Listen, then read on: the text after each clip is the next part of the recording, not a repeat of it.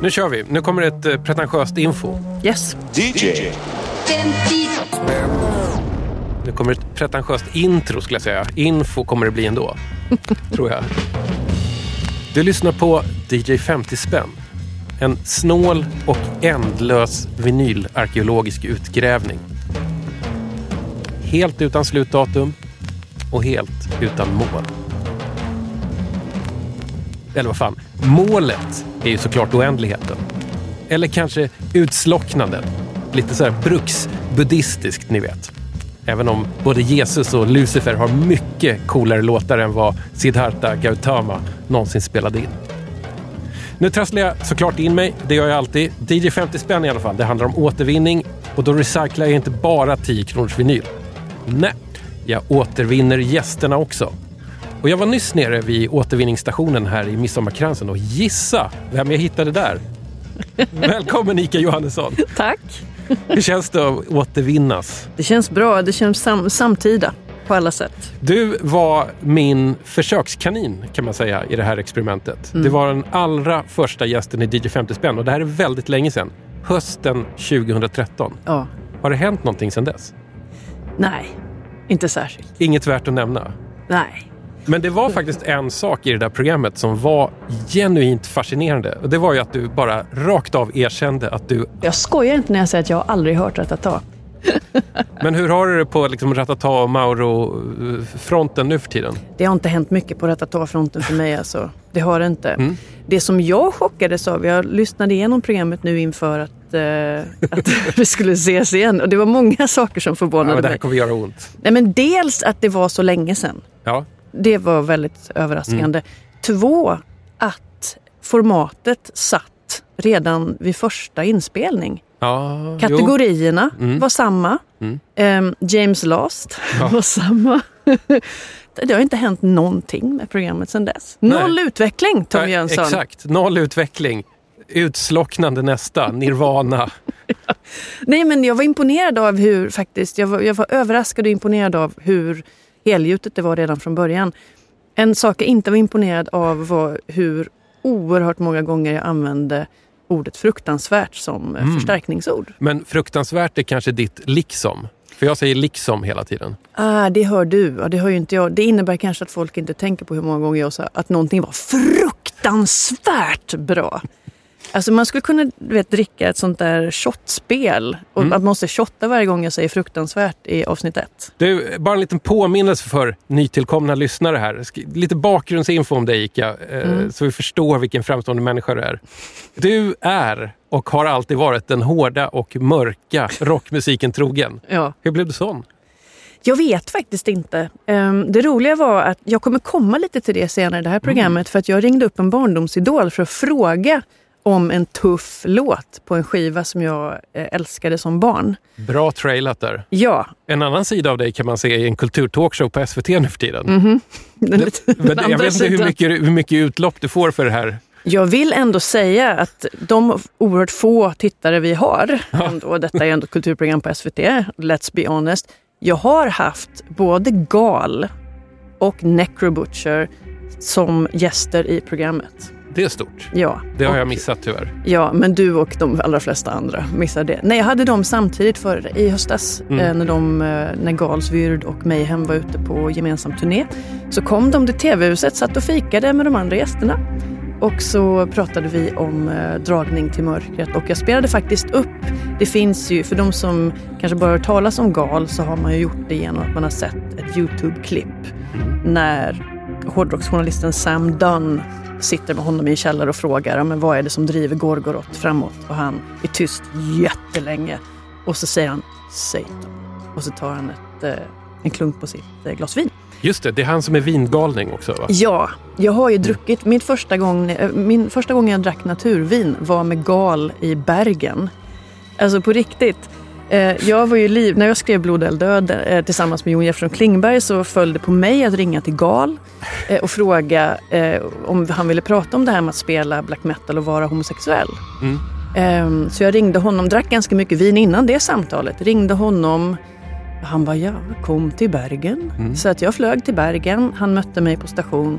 Och så gick vi runt i Bergen och folk kom fram till honom på gatan. För då hade han blivit årets homo i Bergen. Han var med i en black metal-musikal. Han hade blivit som ett hushållsnamn. Mm. Och sen så gick han är ju extrem foodie och vinnörd. Så gick vi upp till en restaurang och åt helt vansinnigt god mat och drack naturvin.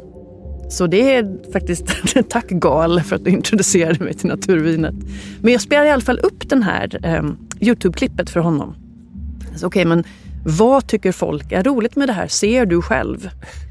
Eh, problemet är att jag vet inte vad han svarade för att han pratar på så oerhört komplicerad bergensiska. Jag hade sagt till honom innan, för Necrobutcher han är från eh, Oslo, lätt att förstå. Mm -hmm. Men Gal, alltså jag bara, men du måste, hjälp mig här. Tänk Skavlan, tänk Svorsk. Snälla tala tydligt. Han bara, jag ska försöka.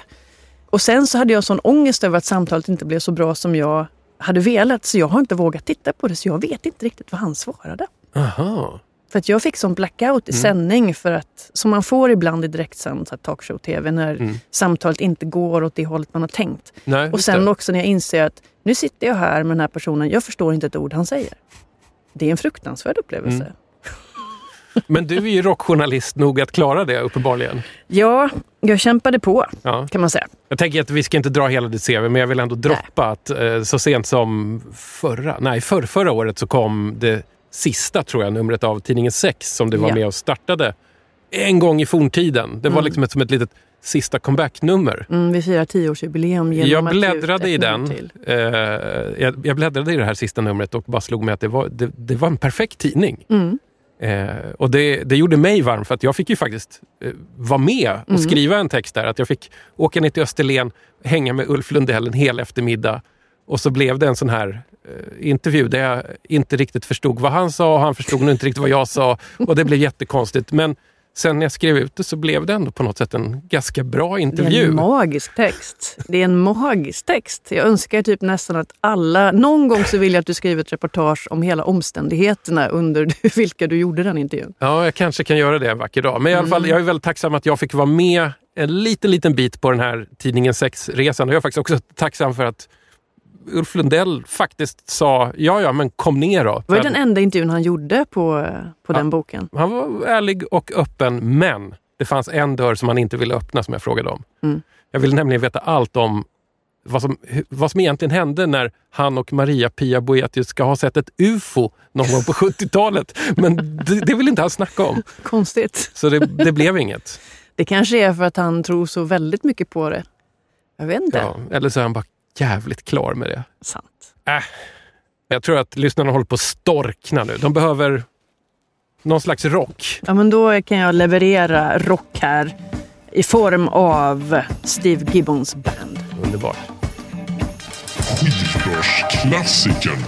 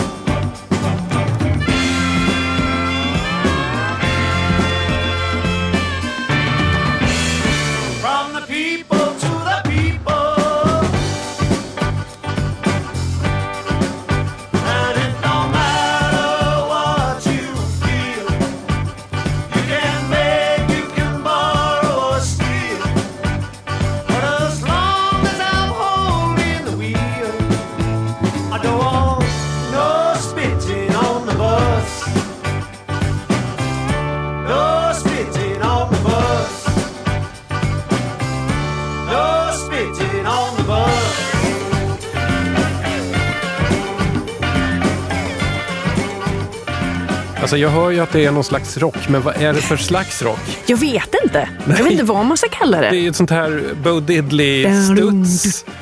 Ja, verkligen. Någonting säger mig så här, Steve Gibbons band pubrock, men jag, jag vet inte för att pubrock är den, är den vagaste genren jag känner till. Ja. Det är lättare att säga om någonting är Balearic eller yacht rock än om det är pubrock. tycker Jag tycker inte det här låter... Min, min uppfattning av pubrock låter inte så här. Nej.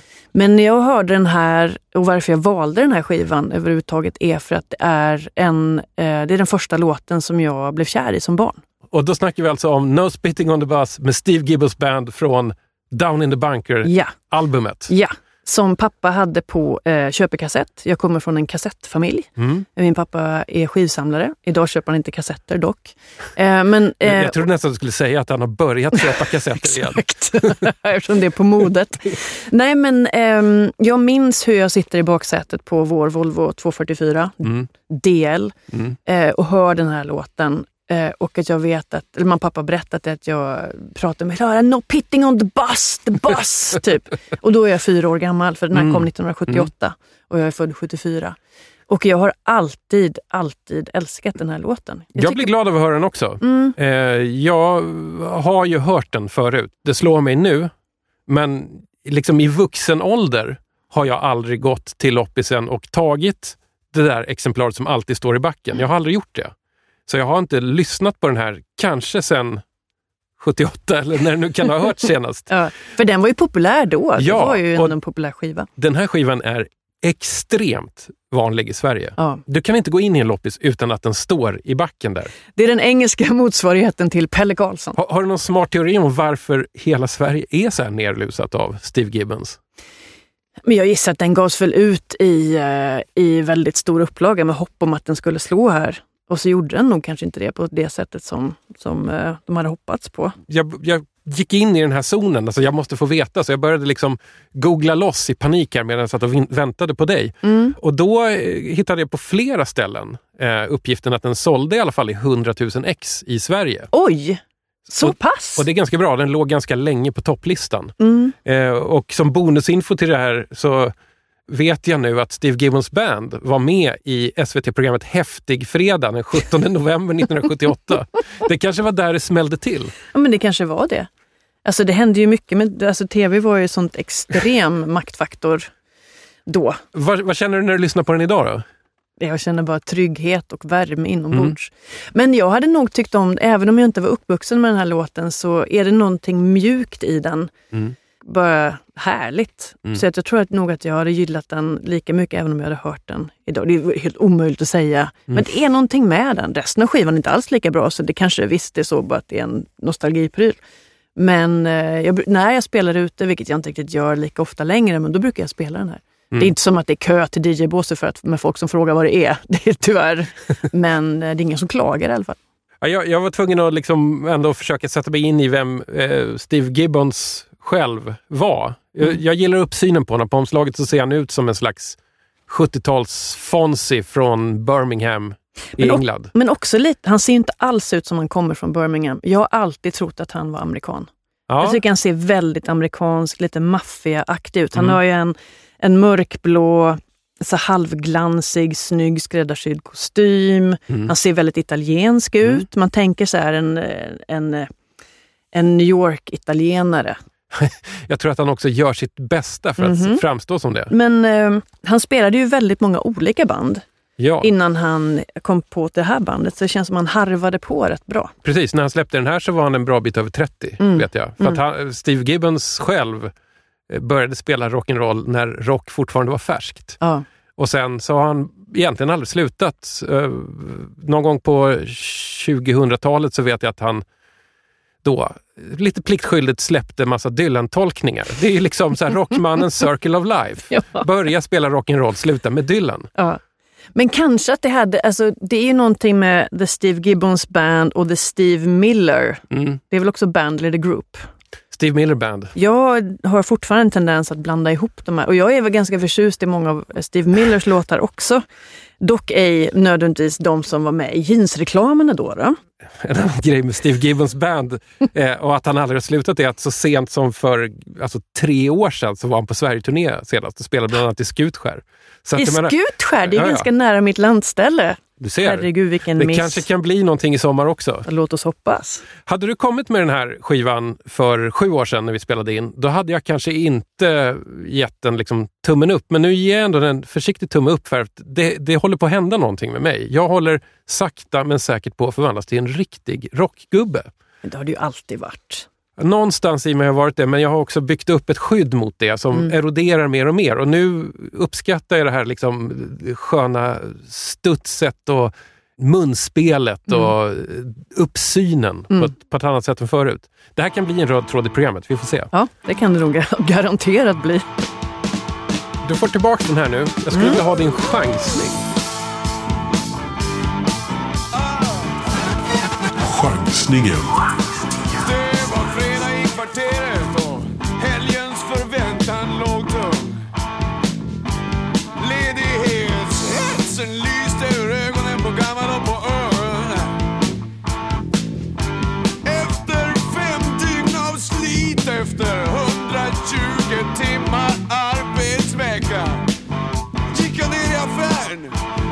Köpa mig min veckobläcka. Ja visst, ser ut som 17, är väl inte mindre 18 år för det. Så ta mig fan och låt mig handla nu då. Och stå inte bara där och le.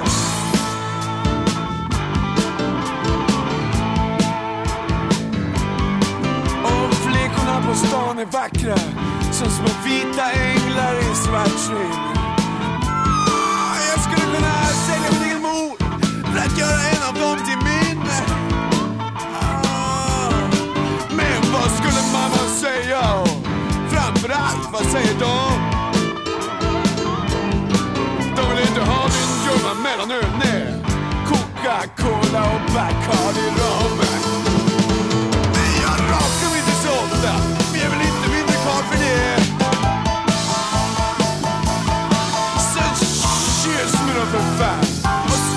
Stå inte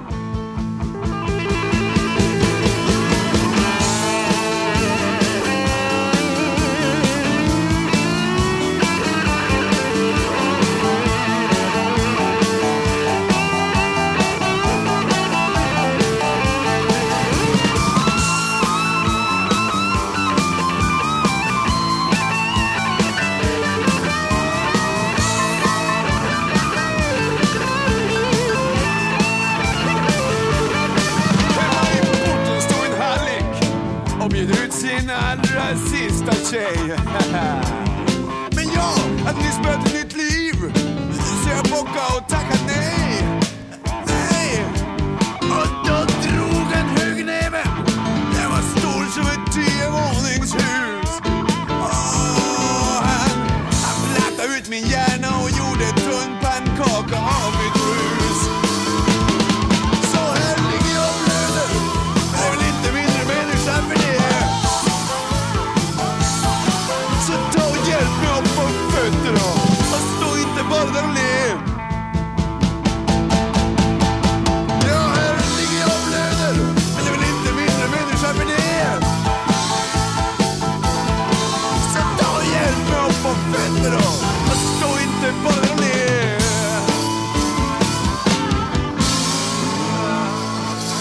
Rekyl är det vi har hört alltså. Stå inte där och le från I himlen är det för sent.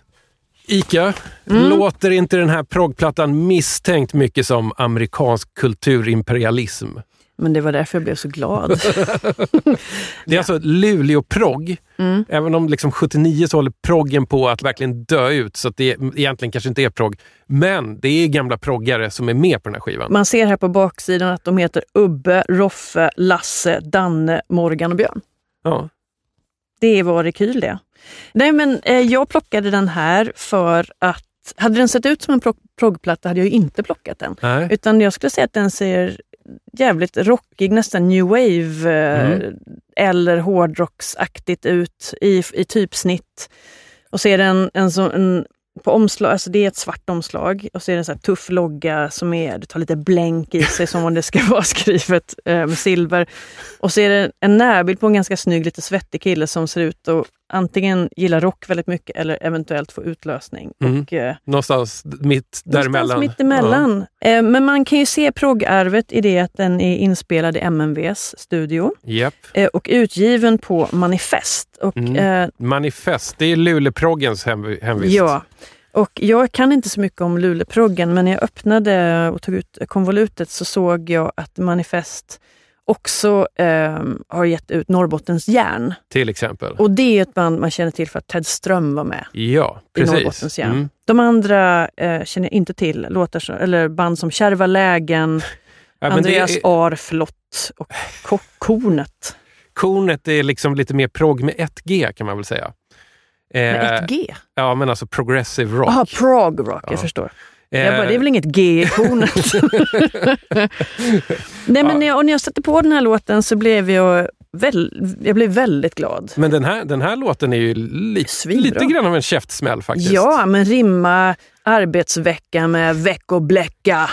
Kyss mig för fan! Så, men en sak, eh, vi pratade ju tidigare om pubrock. Ja. Eh, detta är ju pubrock för mig.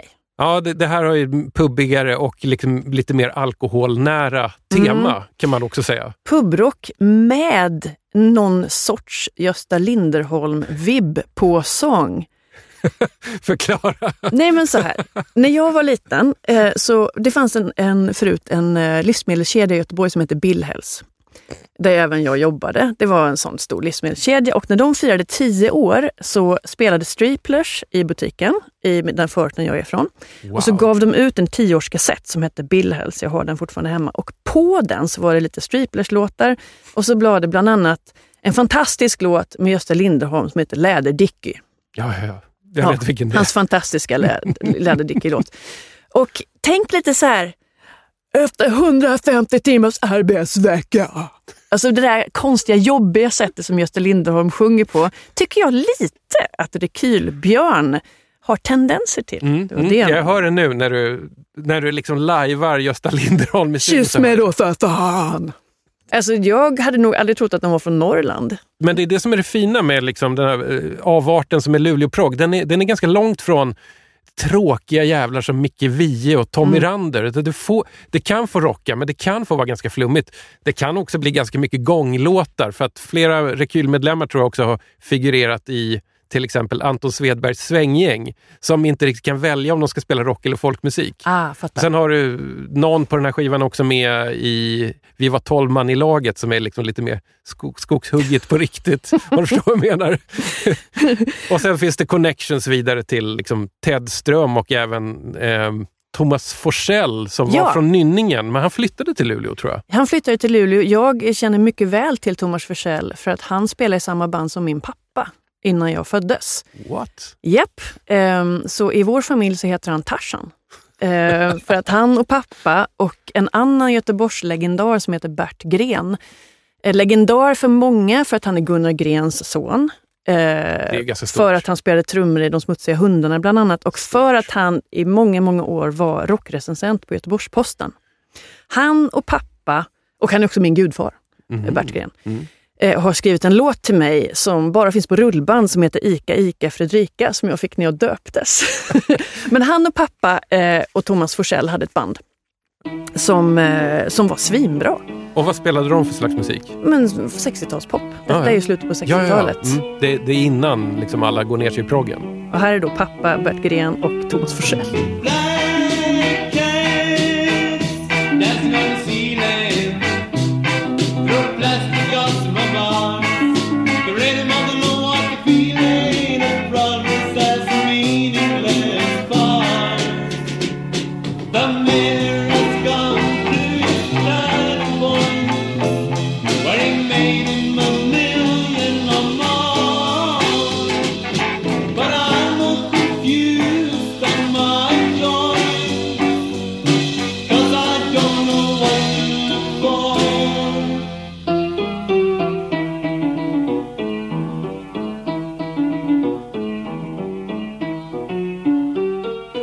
Ja, nej, men det här var då ett band som, som pappa hade med Bert Gren eh, och med Thomas Forsell. Jag tror bara de hette Bertram och Frasse och Tarzan. Jag minns inte. Mm. Låten heter A Confused Intention.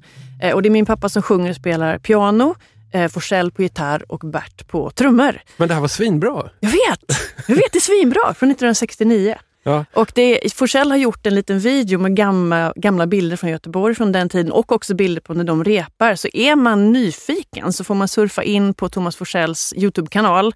Och där heter videon A Confused Intention så kan man få se hur min pappa Ja. såg ut när han var 24. Jag länkar det från dj50spänn.se Ja! också. Gud vad Men du, kul! jag, jag vet ju att din pappa är cool. Han lyssnar ju ändå på Tangerine Dream Mm. Ja. till exempel. Oh ja, Men det här, jag visste inte att han var så här cool. han är cool som fan. Det lät bra. Jag är glad att jag fortfarande har förmågan att chocka dig Tommy efter Ja. alla dessa år. Jag är impad faktiskt. Väldigt impad.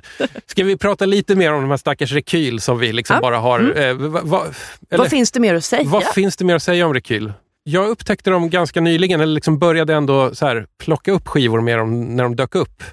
Eh, lite av anledningen att jag är på jakt efter en låt som de har på sitt första album.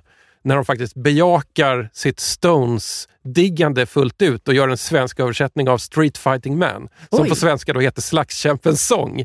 Jag, jag gillar titeln Bra- jättemycket. Bra översättning, eller bra tolkning. Eh, ja, om vi ska återknyta till något jag nämnde tidigare så håller jag ju på att utvecklas. Jag håller på att bejakar med en inre rockman och det här ingår i det. Mm. Så sent som för bara kanske fem sex år sedan så hade jag fortfarande svårt för gitarrsolon. Mm. Nu, jag, nu känner jag bara, ge mig mer, ge mig mer. Glad att vara till din tjänst. Alltså. Mm.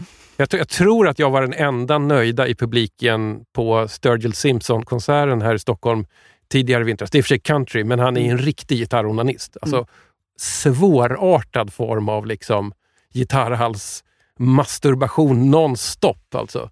Jag tyckte det var underbart. Jag fick förklara för min 11-åriga dotter eh, häromdagen faktiskt bara vad gitarronani var för någonting. Okej. Och detta var, på, Hur, hur förklarade du det? och detta var på grund av att min äldsta dotter eh, som är 12 hade prov på universum och eh, hon behövde förklara för mig vad fusion var. Och då berättade jag för henne att det finns något som heter fusion jazz.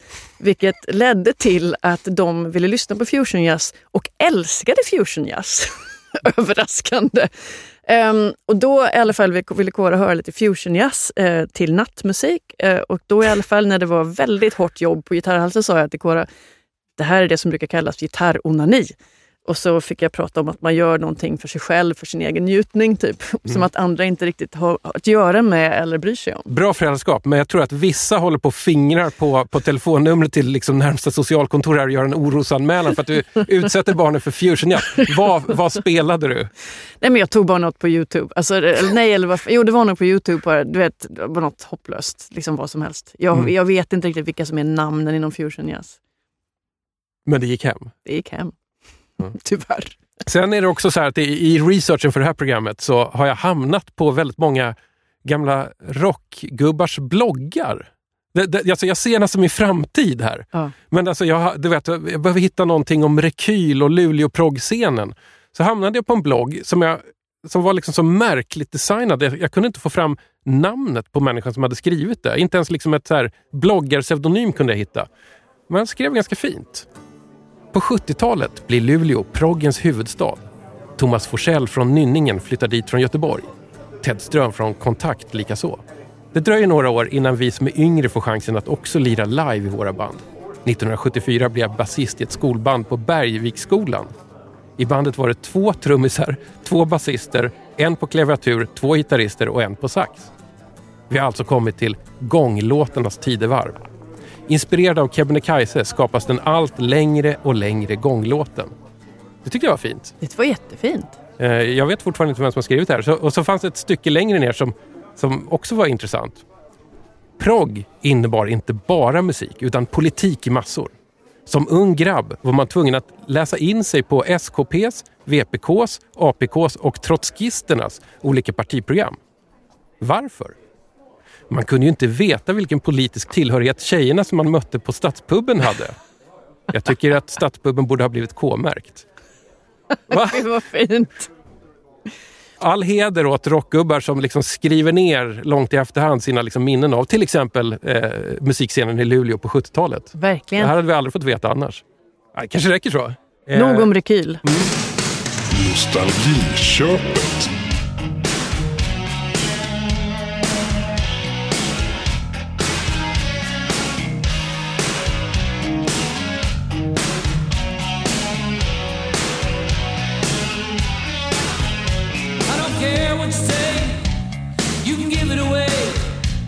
Your money don't mean much to me.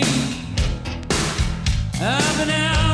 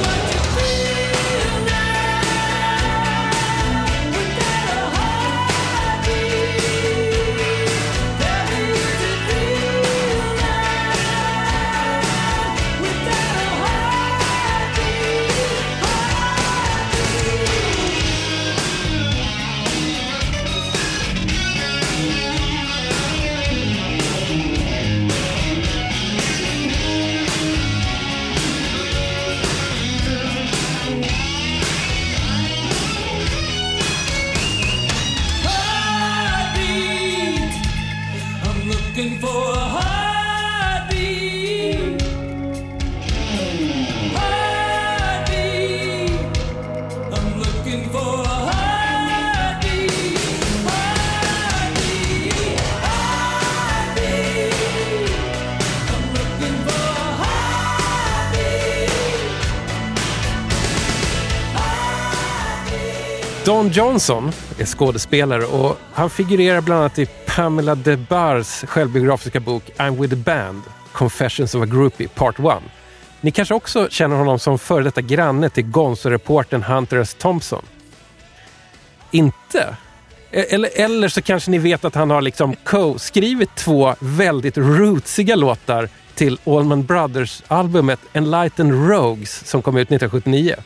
Men lite mer okänt om Don Johnson, det är att han också syntes till lite grann i en tv-serie från 80-talet som heter Miami Vice. Och jag för mig att han är någon slags civilsnut där. Ja, det är han och eh, han var ju då Sonny Crockett Just det, som eh, var par med Tubbs. just det. Tubbs som bor på en båt med en krokodil. Nej, det är Crockett som bor på en båt med Jaha, krokodil. ja du ser, det här är länge sedan. Hur Jag har- kan du inte komma ihåg detta? Alltså när Miami Vice kom 84 så var det ju en...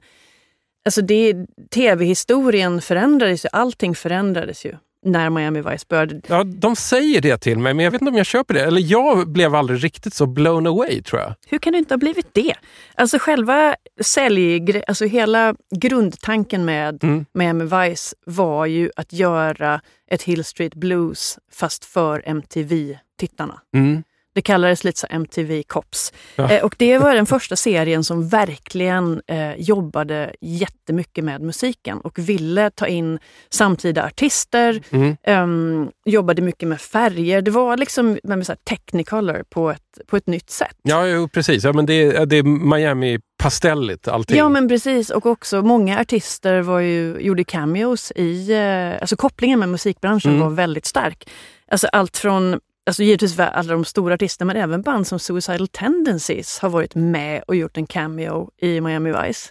Ja, jag hör ju att jag måste nästan kolla på det här men igen. kolla upp det! Jag var ju ett jättestort eh, Miami Vice-fan. Eh, så när Don Johnson då 1986 skulle släppa sin soloskiva, då köpte jag den kassetten direkt. Mm. Och första låten är då denna Heartbeats. Ja, just det. Och jag tycker ju då att det här är riktigt bra. Mm. Bra på riktigt. Man kan, man kan gilla 80-tals nostalgi för att det är 80-tal och för att man har nostalgisk känsla för det. Men jag tycker verkligen att det här är bra. Låten är bra, han sjunger skitbra. Jag tycker att den håller. Mm. Till och med produktionen håller. Det Ja. behöver ju inte alla vara ense med mig om, men jag Nej, tycker nej. fan det alltså. Det här handlar lite grann om vad, vad, du plockade på dig för 550-lapp.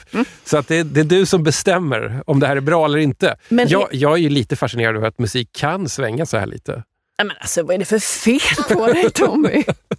Det är ju hur bra som helst. Men du, är det sant att han har skrivit låtar till Allman Brothers? Ja, alltså han, 79. alltså han är alltså, dellåtskrivare till två låtar Ja. på den plattan som de släppte 79. För Dickie Betts, Mhm. gitarrist och väl sångare i Allman Brothers, spelar ju på den här Ja, plattan. men då, då hänger det ihop där. Allt det är någon polare. Ja, ehm, och alltså uppställningen på den här plattan är ju ganska extrem. Från Willie Nelson till Bonnie Raitt till Stevie Ray Vaughan till Ron Wood spelar på den här skivan. Dweezil Zappa spelar på den här skivan. Fan vad sjukt.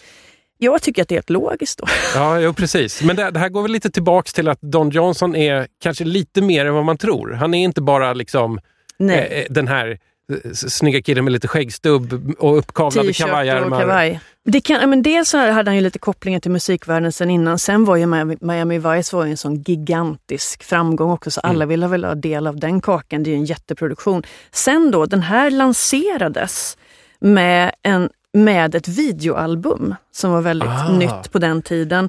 Ehm, Alltså en hel tim, en timslång film med alla låtarna som han spelar då, liksom, som en sån du vet, visual album som alla sysslar med nu, Ja, att det är så modernt. Mm, då. mm. Men det gjorde Don Johnson Ja, han, var, 86. han var tidigare. Ja, det och den annan. sändes på primetime på HBO. Och jag läste en hel artikel nu som jag hittade från LA Times från 86 som handlar just om hur bisarrt det är, alltså hur meta det hela är att en network, network television show du vet, ger upphov till en topp 40-platta som ger upphov till en Mm. stor dokumentär. De beskrev också den här eh, videoalbumet så här, and I quote. It loosely tells the story of a documentary filmmaker, Johnson då alltså, who is near death after getting too close to a bomb in an unnamed Central American country. Och han då återupplever sitt liv till och sina egna låtar. Och jag var inne och kollade lite på, på Youtube och det är ju inte en stor skådespelarprestation.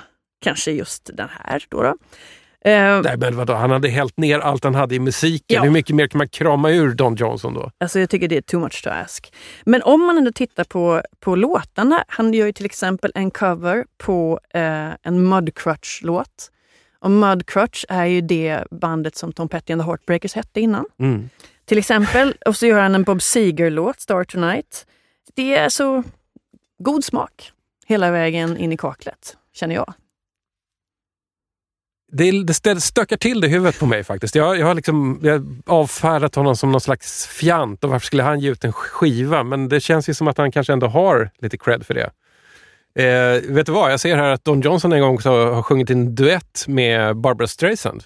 Oh, det visste inte De var jag. ju ihop ett tag.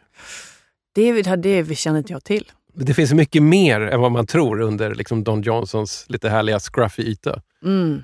Det fanns någonting i, i liksom det här rockgubbegunget även i den här låten Ja. som, som faktiskt hakar i lite de två tycker tidigare. Det, ja. det, är ett- det är ett tema här, det är en puls som, som finns just här Ett och nu. lugnt gungande. Men är det din puls det här? Just nu är det nog det. Ja. Det verkar inte bättre faktiskt. Jag lyssnar nog mest på musik som går i det här tempot just nu. Men då, då har jag en fråga till dig. Om du Mm. någon gång liksom söker dig bakåt i musiken, var brukar du hamna då? I eh, amerikansk eh, powerpop Ja. från 70-tal. Och varför det? Det är den ultimata popmusiken oftast, Mm. eh, tycker jag. Och egentligen så leder det ju faktiskt perfekt in på, eh, på min, en annan skiva jag har med mig hit. Ska vi ta den nu eller ska vi spara den till sist? Vi kan spara den till sist. Men För det känns som att det är den, det är den perfekta det avslutaren den för det här perfekta snacket. Mm, sant. Cliffhanger. Cliffhanger. Och vi tar random svensk vistrubadur istället. Random access final. Jag hade ont i nacken, det stack som ett spjut. Så jag traskade iväg till ett massageinstitut. Där ringde jag på dörren, en stackars krasslig dräng och blev hänvisad in i ett rum med en säng. Och så kom det fram en brud och sa ta av er alla klär. Jag pekade på nacken, men mitt onda sitter här. Ah, pytte säger alla, vi vet nog vad ni vill. Ta av er alltihop nu och lägg er och var still. Vad katten ska man göra? Jag kände mig rätt dum. Där låg jag alldeles naken och glodde i ett rum. Då kom en annan flicka, så fager och så fin. Hon log så djupt emot mig och drog ner rullgardin. Jaha, sa hon, då börjar vi väl vår behandlingskur. Vår tid är ganska dyrbar för sig många står i tur. Säg till om ni vill ha det på något särskilt sätt. Ja, massera mig i nacken, det verkar stup i ett.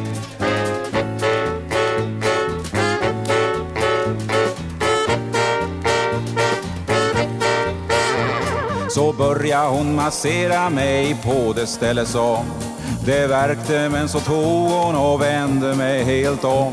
Hon klappade mig på bröstet och kysste min mustasch. Sen satte hon igång med en jättemassage. Det är klart att jag i början försökte kämpa mot. Jag nöp henne i baken och bet i hennes fot. Men hon blev bara värre och då så gav jag upp. Jag ville ej riskera fler skador på min kropp. Så där blir man behandlad bara för att man är kar. Här går man för att bota en krämpa som man har. Och så får man arbeta tills man är alldeles slut. Jag var så färdig efter att jag knappast hittade ut. Jag hade inte väntat att bli så där bemött. Och när jag traskade hemåt då var jag pank och trött. Det onda i min nacke, det har jag ännu kvar. Så jag får väl beställa ny tid om några dagar. Ja, jag får väl beställa ny tid om några dagar.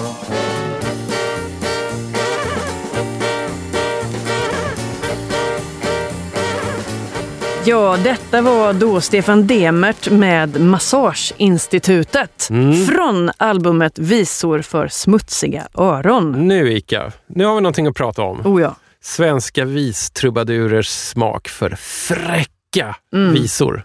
ja. Eller hur fräck var den? Nej, men alltså jag hade ju verkligen trott med den titeln, trott och hoppats att det skulle vara mycket mer snusk än vad det är på den här skivan. Den är väldigt försiktig. Ja, det är den faktiskt. Men, men ändå lite rolig. ja, men omslaget är också det är en, en teckning av Stefan Demert själv. Väldigt färgglad, en gammal tant eller gubbe eller vad det kan vara med en stor lite så här, grammofontratt ut ur örat där det står Visa för smutsiga öron. Mm. Och en liten korp som sitter uppe på en, en markis. Ja, så men det alltså- kändes, var för svårt, det gick inte att motstå. Nej men exakt, alltså, jag står ofta och fingrar just på Stefan Devert-plattorna just för Mm. att omslagen är rätt, eh, alltså, rätt coola. Det är liksom någonstans, mm, det är någonting lite äckligt med dem Mm. ibland. Ibland är de lite stylish.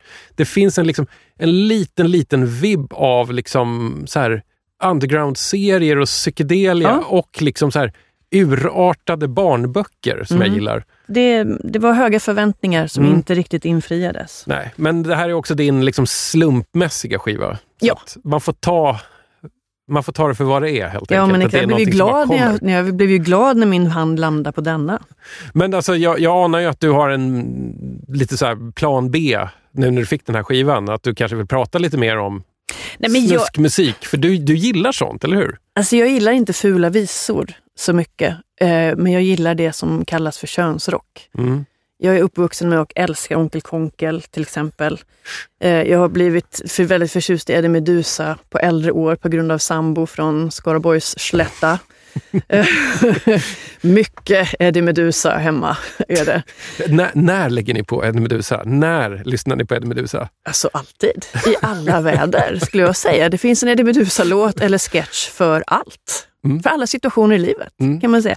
Men jag är ju, som den då elitist man är, jag tycker ju då att, att eh, om Eddie Meduza är den stora könsrockaren så är ju Onkel Konkel lite mer avantgarde Mm. könsrock. Det är någonting för finsmakarna. Ja. Ja. Ehm, sen så då så är det ju svårt att vara en modern människa eh, och ändå tycka att det är okej att skämta på det sättet som de gör. Eller framförallt som Onkel Konkel gör och Mm. liksom Roy Rövmun och alla. Eller Binnike Bengt och Roy Rövmuns orkester då, då som, är ett annat, eller som är ett Göteborgsband. Ehm, men jag är väldigt svag för den sortens Ja. musik, jag, vad ska jag säga? Men, Men- jag är ju inte egentligen så svag för visdelen, Nej. typ Finn Zetterholm. Nej, men precis. Alltså den där Ja. prylen är jag inte så förtjust. Exakt. Nej. Jag hade nog också väntat mig lite mer dirt liksom, Mm. på Visor för smutsiga öron. Det- Alltså, den säger ändå att det är det. Den är inte så vågad den här Nej, det plattan är den alls. Men jag En tror att, inkörsport kanske? kanske en inkörsport. Jag, jag tror att Stefan Demert var ganska ordentligt triangulerad liksom, mellan de här olika fraktionerna av visångare som fanns där på 70-talet. Du hade ju de som kanske var liksom lite mer traditionalister och verkligen var så här, vi ska ta visan på allvar och Mm. det här är fint och det här är liksom vårt ursprungliga och, och göra det liksom by the book. Och sen fanns det också en politisk vissångarfraktion.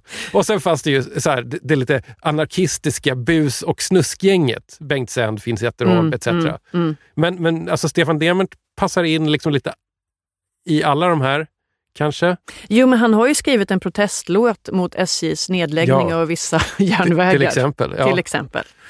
Men jag har ju förstått då att, eh, det, att eh, han var en del av den så kallade svenska visvågen. ja. Och att det tydligen fanns, du känner säkert till vispromen Storken. Oh ja. Ja, jag har ju varit lyckligt ovetande som vispromen Storken och blev glad när jag hörde att den brann upp efter den hade tjänstgjort i några år som eh, då scen för den svenska visvågen. Det finns, eh, det finns två samlingsskivor, så här, det bästa från Vispromenstorken volym 1 och 2. Men tydligen var ju också Stefan Demert eh, med i något band med Sid Jansson Mm. Som också skrivit en bak, baktexten här eh, på baksidan skivan. Ett band som heter Visor och Bockfot. Ja. Det Är inte det en jättekonstigt bandnamn? Jo, kanske, men jag tänker att det har någonting med Satan att göra. Spelmannen med bockfot. Ja, Visor. Men det, det känns ju inte Bockfot. sådär jättedark alltså. Nej. Stefan Demert-låtar. Alltså, ärligt talat, jag kan inte minnas sådär jättemycket av 70-talet, men när jag liksom läser av 70-talet genom en skivback så verkar det som Mm. att alla som kunde ta en ton sjöng in en vis-skiva på 70-talet. Ja. Och sen är det visan är ju alltså still going strong, för att är det någonting man ser som händer med gamla punkare så är att de Ja. förr eller senare graviterar mot visan. Och jag vet inte riktigt exakt varför det blir så, men det är en naturlig stig att följa på något sätt. Mm. Man längtar tillbaka till storytellingen, typ. Antar det. Säger jag som någon form av Ja, jag, ja, men jag, jag vet inte. Jag, jag, jag, jag har inte kommit så långt i visbacken men jag har i alla fall invigt en skivback bara för visor. Ja, jag får hålla mig kall till visan. Tills Mm. vidare. Tills vidare. Vi har tagit oss igenom fyra skivor i din skivpåse här. Det är den sista kvar nu. Det är dags för fyndet. Mm.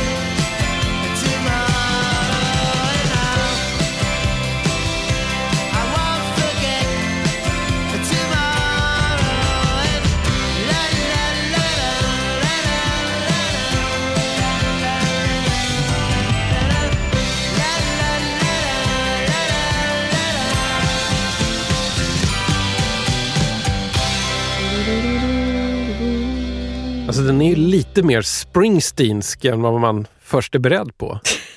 Tycker du? Nej, men det är någonting Ja, med det här ja. kroppsspelet, du vet det här Ja. kling, kling, kling. Alltså, Vi hör Syl, Sylvain and the Teardrops I can't forget tomorrow från skivan, eh, skivan Syl, Sylvain and the Teardrops. ja, behöver inte krångla till det. Jag letar efter en titel men hittar ingen. Det här är ditt fynd. Varför är det ett fynd? Därför att jag tycker jättemycket om den här låten. Som jag har hört separat, inte på det här albumet. Aha. Det har jag hört en upptäckt via Spotify så på senare år. För jag tycker att det är en perfekt poplåt på Ja. alla sätt. Jag tycker bara den är toppen. Det är verkligen en, en liksom liten så här, eh, poppig lyckoinjektion på Ja. något konstigt sätt. Den har, den har, du vet den här känslan av att eh, glida fram på moln nästan. Ja, jag blir bara glad av att höra den. Och men just med kopplingen också. Att han är den han är, att han var med i New York Dolls. Mm. Och eh, tycker han är spännande, spännande person. Alltså, jag har tagit upp den här skivan och köpt för 10 kronor. Jag har tagit upp den andra Syl Sylvain, eller Mm. Sylvain Sylvain Sylvain, skivan. Sylvain. Mm. Och jag, bägge gånger så var det så här bara total chansning för jag visste inte vad jag skulle förvänta mig. Jag visste så här, han har varit med i New York Dolls, Mm. undrar hur han låter solo. För då hade jag ändå hört så här David Johansen solo som är något... Som också är en rebax. Ja, också en rebacksklassiker. Det där är konstigt alltså. Ett, Ja, jag vet det, inte, de, de är jag inte alls så förtjust i. nej. Men, men de är väldigt vanliga. Både Mm. Sylvain Sylvain och eh, David Johansen för 10 kronor. Det, det var i alla fall så att du kunde hitta dem nästan överallt. Mm. Väldigt sällan New York Dolls. Ja, såklart. Nej, men, Men- de är väl värda Men mycket som helst. soloplattorna. Ja, och jag menar, det, jag, jag fick eh, bläddra mellan drivor av David Johansen för att hitta den här. Just i den back jag tittar i. All right. Mm. Men då börjar vi där. Ja. Varför Sylvain Sylvain? Och Ehm, varför inte David Johansen? Därför att David Johansen är för mycket av en eh, kabaréartist för mig. Det är lite för mycket karneval, Mm, musikal, lite för mycket flair, Mm. lite för lite rock. Mm. Den han blev. I alla fall. Jag var alldeles så för, alltså, om man Nu kan ju inte jag påstå mig haft någon koll på New York Dolls när de fanns såklart, eh, Nej. när de var som störst Mm. där i mitten på 70-talet. Men det var ändå så att Okej skrev om dem och sådär och, och Mm. skrev om David Johansen. Och ehm, jag var alltid mer intresserad av Johnny Thunders och ja, men, de lite mer andra komplicerade delarna än, än den Ola Salo som David Johansen blev. Eller var kanske hela tiden. Jag tror också stilmässigt Ja. allting.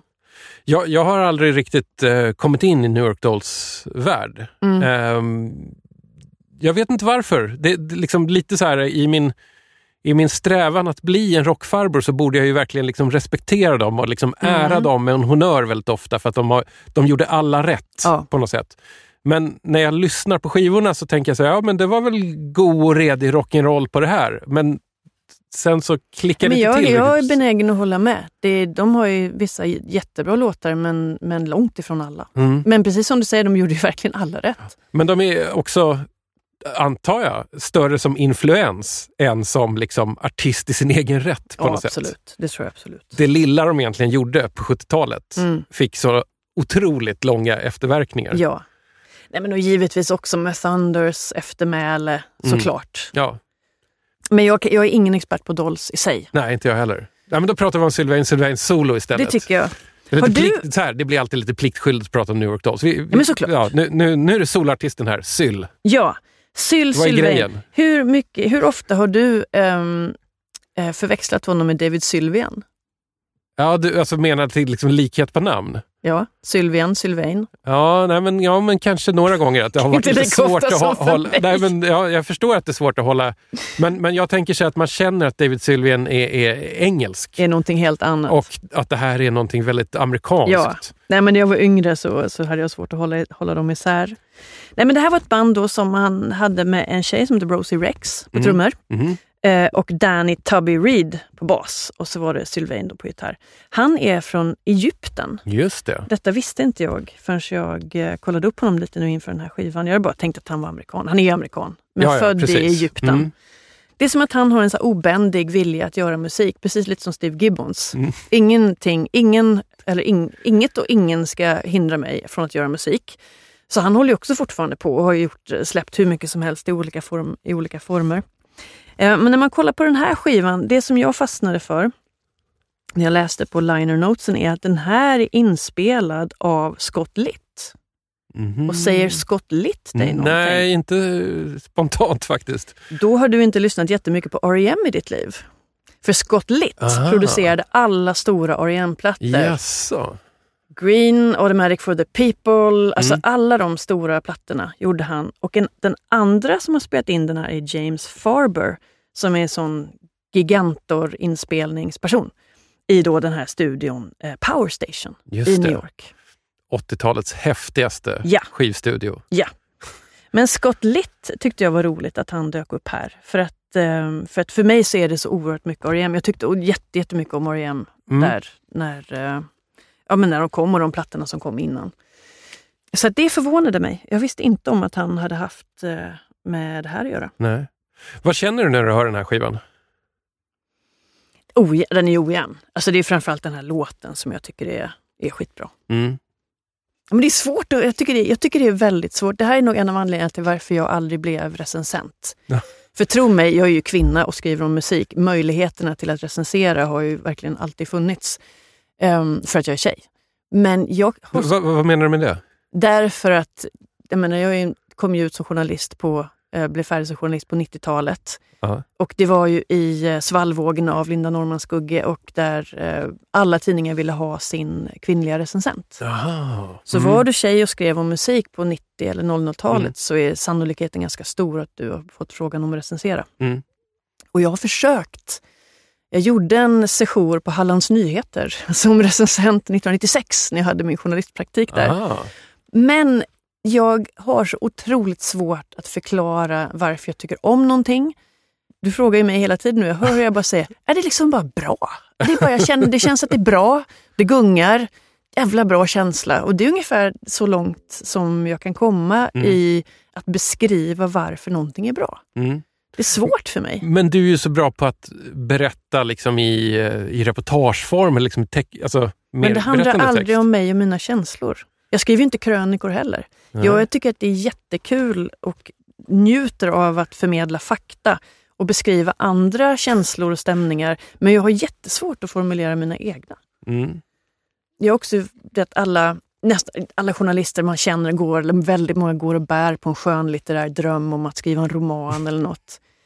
Alltså, jag kan inte tänka mig något värre. Att behöva du vet, hitta på, tap into myself, typ, alltså gå in i känslolivet. Nej, men det, är- det är jättesvårt. Mm. Jätte, jättesvårt. Jag Ge mig det. fakta. Ja, jag fakta förstår det. är toppen. Jag, jag gjorde en jättekort eh, liksom, litet inhopp som recensent på Nöjesguiden någon gång Mm. början på 00-talet. Det var svårt, men eh, för mig så... Jag tror att jag hittade ett trick där, att jag skulle försöka översätta det jag hörde till någon form av bild. Eller liksom bara Mm. så här, att, att försöka översätta det man hör till en moodboard lite grann och sen beskriva den där moodboarden. Mm. För då märkte jag att jag ändå kunde liksom förmedla någon slags vad det var för någonting. Alltså både varudeklaration och känslorna Mm. runt det. Men jag tror aldrig att jag var någon bra recensent. Jag minns det som bra. Men alltså, jag, tycker att det är, jag tycker det är väldigt svårt att, att eh, sätta ord på musik. Mm. Men då kan, Konstigt. vi ju, då kan vi trösta oss med här att recensionen är ju en döende konstform. Men allting är ju en döende konstform. vet. alltså på SVT, där jag jobbar just nu, då säger de, det har, det har ju slagits fast från programledningen, reportaget är dött. Oj, oj, oj. Inga mer reportageprogram kommer att komma i SVT. Reportaget är dött. Oj, Ska du sälja så in ett definitivt. ja, ska du sälja in ett program, då måste det vara ett annat format. Mm. Och det är ju, för mig så är det så här, det är som att rycka, alltså matta. Det, det är ungefär som att du Grund. ja, det är lite som att du är uppkopplad till en respirator och så bara drar de ur sladden. Exakt. Vad ska jag göra nu? Nej, för reportaget är ju den ultimata formen. Att berätta någonting tycker jag, och det är det, man vill ju berätta något. Men reportaget är ju på utdöende även i, även i tidningarna. Det finns ju ingen plats Ja, just längre. det. Ja, Jag vet att det var snack om att eh, lyssnarna inte förstod reportage i radio Exakt. redan för tio år sedan. Ja, Men då hände någonting. Då började liksom dokumentärer Ja. funka som podd helt plötsligt. Och Ja. det blev, så då, då döptes allt som var reportage om till dokumentär. ja, Problem solved. Förutom att det kostar så mycket att göra det. det är väldigt tråkigt tycker du, public service, att det kostar så mycket att göra bra dokumentär. Nej men det, det är ett problem ehm, faktiskt. Att det, Mm. eh, men recensionen är död, reportaget är dött. Vad är kvar då? Kulturdebatt är stort. Kulturdebatt är ju oerhört. Mm. O, eller vad ska jag säga? Jag är Precis. programledare för ett program om Och- kulturdebatt. Och krönikan är evig. ja. Krönikan är ju så ointressant, tycker jag. Jag är så ointresserad av krönikor. Det det beror lite på vem som skriver det. Jag, jag kan Sant, uppskatta det. Sant. De som förvandlar sig själva till liksom seriefigurer eh, i, i liksom krönikeform, om du förstår vad jag menar. Nu pratar du om Fredrik Strage, eller? Förlåt. Men Ja, han det- är ju väldigt bra Ja, krönikör. ja, jag hade inte tänkt nämna några namn här, men Nej, ja, han, han är är ett väldigt eh, utmärkt exempel på, en, på någon som bara liksom så här stiliserar och överdriver sig själv Mm. tills det blir liksom Linda Skugge också. Lena Skugge. nu när hon ja. krönikerar varje dag. Det är ju väldigt roligt. Det är så jävla wacka texter. ja, de är På fantastiska. ett otroligt härligt sätt. Så att det, det har du faktiskt helt rätt i. Och de är ju figurer båda två. Hur hamnade vi här förresten? Ehm, Vi kanske var ganska klara med Syl, Sylvain. Jo, jag kunde inte förklara varför jag tyckte det var bra. Ja, så var det. Det var där vi Eh, hamnade. Ja, just det. Precis. Och jag bara utgick från att men du kan väl berätta vad du, vad, vad du tycker om det här och vad du känner och varför du tycker att det är bra. Jag blev lite liksom, överraskad av den här låten för att den har eh, den har någonting lite Springsteenskt. Du vet, Bruce Springsteen på en glad dag. Mm. Det är bara detalj. Det är det här klockspelandet hela tiden. Eh, Jag, är Fattar du vad jag inte menar? en, jag är ju inte en Springsteen-kvinna då, då, så jag kan inte, jag, han har väl gjort några bra låtar eller så. Då, då. Men jag, eh, jag kan inte tala i Bruce Springsteen-termer på samma sätt som du kan. Jag ska hjälpa dig. Nu spårar det här programmet ur. Nu Okej. ska du få ett mindfulness-tips av mig. Jag har bara ett mindfulness-tips. Mm. Eller det är egentligen inte ett mindfulness-tips, utan det är mer ett så här, eh, ta dig i kragen-tips eller liksom peppa dig till den här positionen när du blir en liksom oövervinnerlig jävla tsunami som sköljer över världen. Förstår du vad jag menar? Förstår du känslan? Då ska du göra så här. Du ska plocka fram ditt 10 kronors ex av Born in the USA. Ja, jag vet. Klichéval bara. Absolut Bruce bästa Springsteen. Bruce Springsteen-skiva Du, vill du jag tar jeansrövskivan Ja, jag älskar med jeansrövskivan. Bruce Springsteen.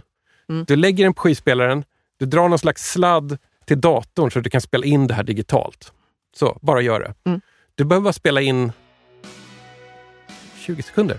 För du ska bara loopa de första liksom, takterna. Första rundan i melodin, när det bara är den plingande synten och den här enorma virveltrumman som bara som, som, som låter som att den spelas av liksom en pneumatisk jävla mekanisk robotarm som slår ner med liksom så här, eh, jag vet inte hur många liksom newtons kraft. Alltså du ska bara ha det. Ding, ding, ding, ding, ding, ding, loopa i, in i evigheten. Ja. En timme, två timmar och så går det med det där i lurarna på skadligt hög nivå och har bara den loopen. Ett par timmar. Mm. Jag lovar att det kommer göra underverk med dig.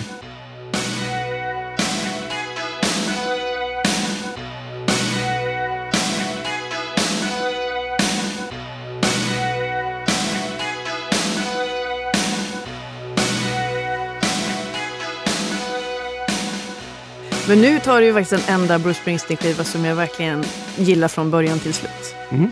Den är ju svinbra, men då brukar alla håna mig och säga att det inte är på riktigt. Det, den är så jävla real, så är det inte sant? För Den det, är så jävla bra. Och den har också... Eh, den har Den har så många hästkrafter om du förstår Ja, vad jag menar. och den är Och den har ett sånt jävla självförtroende. Vilken är din bästa låt på den skivan? Alltså det är den här loopen. det, det är den här loopen från inledningen av Born in the USA. Ja, och jag ja. vet att det här, det här är en loop Mm. som kan återuppväcka döda. Mm. Det här är en loop som kan få det. den blygaste lilla blomma att växa upp till en liksom, eh, så här, ek med 30 meters diameter. Jag tror dig. Men jag vill ändå hävda att bästa låten är Downbound Train. Inte dum. Ja, den är så den är så jävla bra. Och nu sa jag nästan fruktansvärt. Men jag stoppade Men, mig. men du har inte sagt så många fruktansvärt. Nej, jag har tänkt så på det här det. drinking gamet, det, det, det har nog kommit av sig. Grejen var att, kommer du ihåg att jag drack vin under tiden vi spelade in? För jag var lite nervös. Så det jag hör Gjorde i första du? programmet, ja, är att jag är lite packad. Är, är det liksom eh, Ike Johannesson på 0,3 promille? Ja, alltså jag är ju väldigt lätt påverkad då. då. Så men, du- ja. men det kan vara ännu mindre än så. Men jag hör på inspelning och jag tror att det är därför som jag lägger som en, en fas Mm. Vid, vid, vid, ibland när jag skulle Fint. säga Mm. något. Vi har tappat tråden väldigt bra Ja. i det här programmet. På bra sätt har vi tappat tråden. Eh, jag bad dig eh, ta med en liten favorit från din egen skivhylla. Oh ja! Eh, Nej, men så jag tog med en skiva eh, som dels finns i backen eh, och som dels eh, jag älskar. Och här tror jag nog faktiskt att jag kan förklara varför.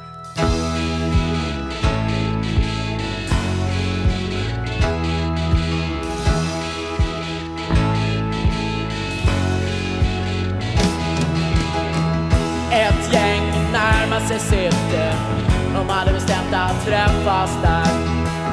Från andra sidan av staden kom ett gäng som redan väntat där. Beväpnade med knivar och slagträn Visar att de bestämmer här. Sprayfärgen visar vad de heter Och berättar vem som starkast är. För det är gatustrid, ja bara gatustrid Upp och vänster.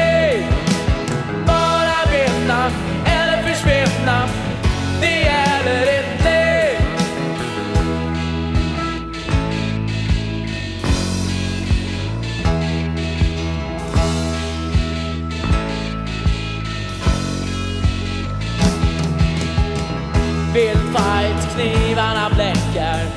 Ser jag, kanske han bär Spring fort för snuten kommer. Och snabbt försvinner våran här Far bland betongen ligger. Någon som inte klarat det här. Han hör inte vad sången klingar. Han hör inte var stegen bär. För det är gatustrid, jag bara gav upp och en steg Bara vinna eller försvinna. Det gäller ett liv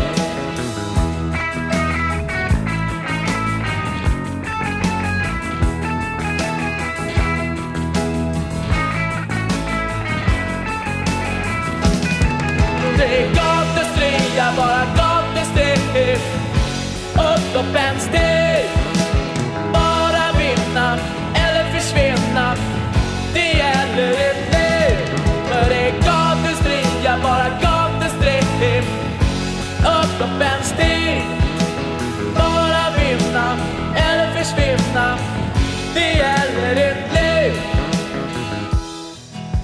här är din liksom, favorit, eller livlina, eller bonus, eller vad vi ska säga. Detta var Gatustrid med Noise från eh, den legendariska skivan Bedårande barn av sin tid. Mm. Det är ja, en, en, en klassiker.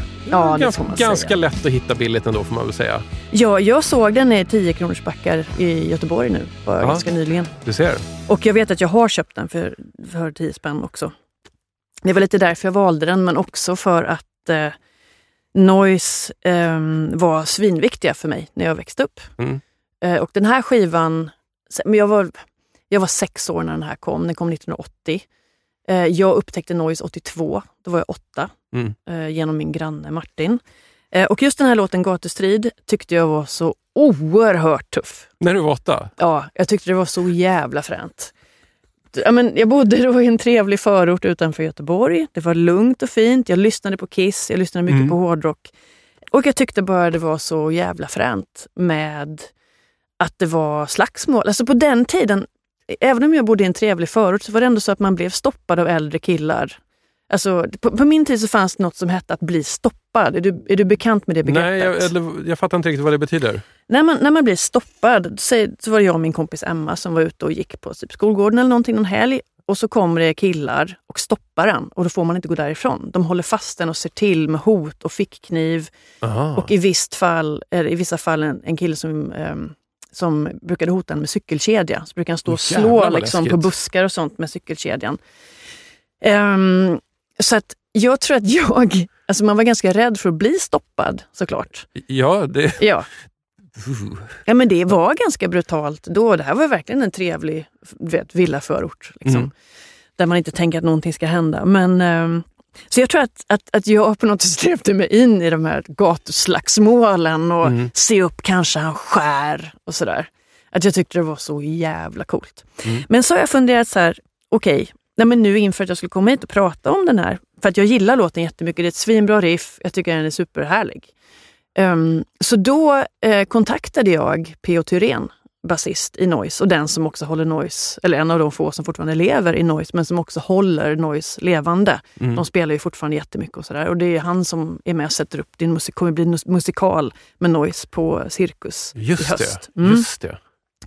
Och, ehm, så då kontaktade jag honom på, på Facebook, på Messenger och frågade vad, vad, vad hade du för erfarenhet? De är från Gustavsberg. Jag tänkte, ja, kanske var rufft, vad vet jag? Mhm. De var ändå, du vet, de var ändå ute och rörde på sig. De kanske var med om, om fick ju sten kastat på sig Ja, på men exakt. Det är det, det är det jag tänker när jag ser Noise nu. Så tänker jag att oj, de här måste ha blivit jagade hela tiden. Ja, nej, men de blev ju av, det. Av liksom, alla andra subkulturer måste ju bara ha så här, Ja. slängt sig efter dem. Liksom. Ja. Ehm, men då förklarar han att inspirationen, och jag kan inte förstå att jag inte har tänkt på det innan. Det, det är alltså rakt av från filmen Warriors. Det, ah, Han har sett Warriors och så har han skrivit om vad som händer i filmen Warriors. mm. Och det blev en låt. Och det blev en låt. Och du har klurat på det där väldigt länge. Nej, men jag har aldrig tänkt tanken att det kunde handla om Warriors, som ju kom precis samtidigt. Men vet du vad han berättade? Han berättade att Noise under en period på den här turnén hade Warriors-ledmotivet som intro till spelningarna. Otroligt. Svincoolt ju. Ja, det är ingen dålig, alltså det är inget dåligt tema från, från Det är det eh, verkligen The inte. Warriors. Den är fantastisk. Ja, det är helt Eh, otroligt. Barry DeVorson. Sådär ja. Mm. Nej, men han berättade också att, ehm, att de aldrig riktigt var i slagsmål, så, men det fanns ett gäng i, i Stockholm då ehm, som eh, hade eh, gröna bomberjackor. Det var absolut inget skinheadsgäng, de hette Gringos. Mhm. Eh, och de gick runt och ja, men, stökade på stan och förföljde bland annat liksom, noise och sånt. Men ibland var de på deras spelningar, för de, Noise spelade ofta på den här omsp- mytomspunna klubben Bobadilla Ja. i Gamla stan Mm. och Slussen. Och Gringos gillade att de använde eh, Warriors-ledmotivet. för på den tiden var det ju ganska många hårdrockare som gillade noisen då, för att de Mm. hade just låtar om svart läder, En kväll i tunnelbanan. Det var ju ett, skitigt, en- ja skitigt är väl ändå, ja, det var i alla fall en form av gatuband. Om man då jämför till exempel med Gyllene Tider som var det andra stora bandet i den här tiden. Mm. Så var ju det här Ja, Lite mer street det, rats, ja, det, det var lite farligare. eh, Ja, Marginellt, men då. ändå Ja. för, för en åttaåring oerhört mycket farligare. För att mitt problem, I min förort var det också Gyllene Tider eller Noise. Men Gyllene Tider var aldrig aktuellt för mig för att Gyllene Tider handlade ju nästan bara om sex. Varenda låt, När vi två blir en, Ja. Flickorna på TV2, Sätta på. Mm. Alltså, det Ja. genomsyrar hela deras musik. Mm. Och när man är barn, eller i alla fall jag ville, det var ju bara råäckligt. Mm. Då är det mycket lättare att så här, ja, jag sitter på tunnelbanan, här kommer någon som ska slåss. Svart läder, skinnkläder, sylvassa klackar och kedjor. Det kunde jag relatera till. Jag kunde inte relatera till sex. Nej, men i och med att man gillade hårdrock, då var det som att det, var, det blev ju någon form av identifikation i det. ja, jag förstår det. Va- ja. Ja. Jag kan prata jättelänge Så, om så det här om det, du så vill. det, var, det, var, det var lättare att relatera till gatustrid än En när vi till... två blir en. Ja. Oh ja. Oh ja. Är det så fortfarande? Ja, faktiskt. Ja. Men jag, jag har ko- kommit att omvärdera tidiga Gyllene Tider. Det finns skitmycket jättebra låtar. Alltså, och det som faktiskt är överraskande med båda de två banden är ju att alltså Noise var väl snäppet, snäppet yngre tror jag. Men eh, tänk ändå vilka låtar som har skrivits när folk är så här unga. Apropå musik om sex. Eh, jag vet att du har en liten lucka i din 10 kronors avdelning i skivhyllan. Jag ska se här om jag faktiskt fick med mig den här. Oh, Jag, jag lovade dig när, när vi hördes av innan det här att du, om jag hade ett extra ex av Ja. Prince, Ja. Love Sexy, Oh, så skulle jag få den. För du lyckas aldrig hitta Prince i 10 Nej, inte på vinyl. Jag har den på köpekassett då, då för det var ju precis oh, slutet gud, på vad mycket 80-talet. coolare. Alltså jag har så mycket köpekassetter. Men jag har i alla fall hittat den här minst vad två fint. gånger bevisligen. Så här Ja, får du min dubblett. Tack! Man hittar, jag hittar nästan aldrig Prince i 10 kronorsbacken och jag letade lite efter Prince för att jag är inne i en uh, djup Prince-period just nu. För att det är, många tror att jag bara har lyssnat på rock och sånt, men Prince är en, en av mina absolut största Mm. husgudar, Mm. alla kategorier. Från 70-talet fram till 90 Mm. ungefär. Precis. Så släppte han inte ett svagt spår. Prince är ju ganska mycket rock. Det är ganska mycket rock. Det var faktiskt väldigt tråkigt när han väl kom hit och spelade där på Way Out West. Så åkte jag ner dit och fan vad hela spelningen förstördes av rocken. Det är sällan jag har yppat dessa ord, att rocken har förstört, att en elgitarr har förstört en spelning. Men fan Prince. Det trodde, jag aldrig, Oj. det trodde jag aldrig jag skulle få höra från dig. Nej, jag vet. Någonsin. Jag vet. Men alltså man vill inte ha... Alltså, jag, var- jag var jätteledsen efter den konserten. För att jag, bara, jag hade sett honom en gång innan, 1990, på Bat Dance-turnén. Bat Dance. Det var en ganska svag skiva ändå, får man säga. Inte hans bästa. Nej, det var inte hans Men bästa. Den har något. Den, har något. Den har något, helt klart. Men ehm, det var en fantastisk spelning dock. Men så har jag inte sett honom eh, förrän då, Way Mm. West. Och för att han hade gitarrat bort hela den spelningen så gick jag inte och såg honom på Stockholm Music and Arts. Och sen dog han. Det är sjukt deppigt. Men jag var på den där stora utställningen, den som de har på Paisley Park nu. Den visades i London för ett par år sedan på O2 Arena. Aha. Ehm. Hur kändes det att kolla på den då? Jag tyckte det var jättehemskt. Ja, för Två, för två känslor var det. Rockmemorabilia, eller liksom så här rockmuseum-grejen är rätt svår. Jättesvår. I det fallet så kändes det så otroligt mycket casha in. Mm. Casha in på grejen, också i och med att de har släppt allt på Spotify och sånt. Han ville ju aldrig det. Hur kan man det första man gör när någon dör, att gå emot den personens yttersta vilja? Det är så märkligt. Ja. Den andra känslan, herregud vad liten han var. Alltså, nej men alltså, han är mycket mindre än vad man ens... Man vet att han är liten, men han är så liten. Alltså, de kostymerna från just Purple Rain-eran, alltså de är så små. Ja. Typ alltså 11-åring size. De är så små. Men, men det, det kan jag förstå lite grann för att jag minns att jag var lite intresserad av Prince och hade börjat lyssna lite Mm. när han spelade i Stockholm. Kan det ha varit 87? Jag bodde, inte, jag bodde utomlands då, Ja. men det kan ha... Det kan- det Sign of the Times-turnén kanske? Ja, det kan ha varit det i alla Mm, fall. Den Min- hade man ju velat se. Ja, den, den har så. inte jag sett. Men min mamma jobbade då i kallskänken på Stallmästargården här i Stockholm. Mhm. Stallmästargården är, eller var då i alla fall, en liksom så här Tore Wretman-koncernen På. Djurgården va? Äh, ligger vid Norrtull faktiskt, där Jaha. Hagaparken börjar. Ja, där! Ja, ja! Och där hade. Prince och hans entourage sin efterfest. Och hon jobbade sent den kvällen. Så hon berättade för mig morgonen efter då att så här, den här Prince var på Stallmästargården igår och han, han gick genom köket för att komma till festen. Ja. Jaha wow. Så här, han var jättekort. Alltså, hon beskrev det lite grann som att det var en hatt som, som liksom bara liksom strök förbi precis ovanför arbetsbänkarnas yta. och då, och Men då, gud vad hemskt vi här skrattar åt att Prince är kort. Det är Ja. fruktansvärt, men han var så liten. Det är en fantastisk anekdot. Gud vad jag vill höra din mamma berätta den. Jag vet inte hur mycket hon minns. Alltså, det var nog hennes enda lilla kontakt. Eller, kontakt, eller ens var i närheten av kontakt med Prince. Tänk om han hade varit två, Det var- två så nära. det var en hatt som Prince. svävade ovanför arbets, liksom, arbetsbänkarnas yta. Sen var det över. Åh herregud. Ja, men jag, vill, jag vill bara ge ett litet snabbt tips. Um, an- anledningen till att jag är så, så djupt nere nu i min Prince-psykos är på grund av att uh, Paisley Park håller på att släppa jättemycket extra material och fixat material. Och de har gjort en podd eh, om tillblivelsen av 1999-albumet. Mhm. Den finns i fyra eh, avsnitt. Är lite säljig och så här, den vill ju sälja skivan men de pratar ju också med alla som var med och jobbade med skivan och, och det, det är jätteintressant. Så att det är ett lyssningstips. Och så säger de att rockreportaget är dött. Jag vet. De förstår ingenting. Det var bra att sluta där. Vi, eh, vi, vi vevar ner ståljalusiet och stänger butikerna. Tack för att du var med igen, Ika. Ja, tack själv. Det var jätteroligt. Vi ses om sju år igen. Yes! Men Ika, du får inte gå härifrån utan lite James Last. Jag hittade ingen James Last tolkar Prince, men Steve Miller Band kanske kan funka. Det räcker fint. Känsla, Ja, lite känsla. ja, tycker jag. Oh. Nej, men roliga, roliga inslag. Roligt att pappas låt. Ja, det var det.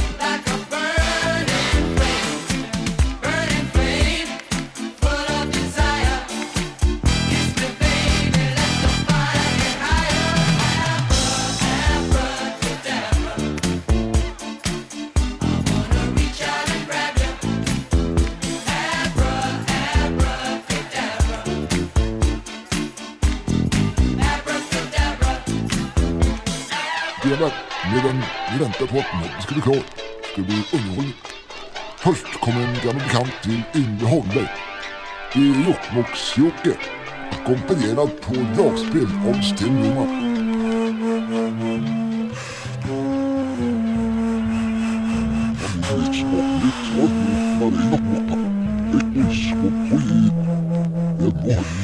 Mahmut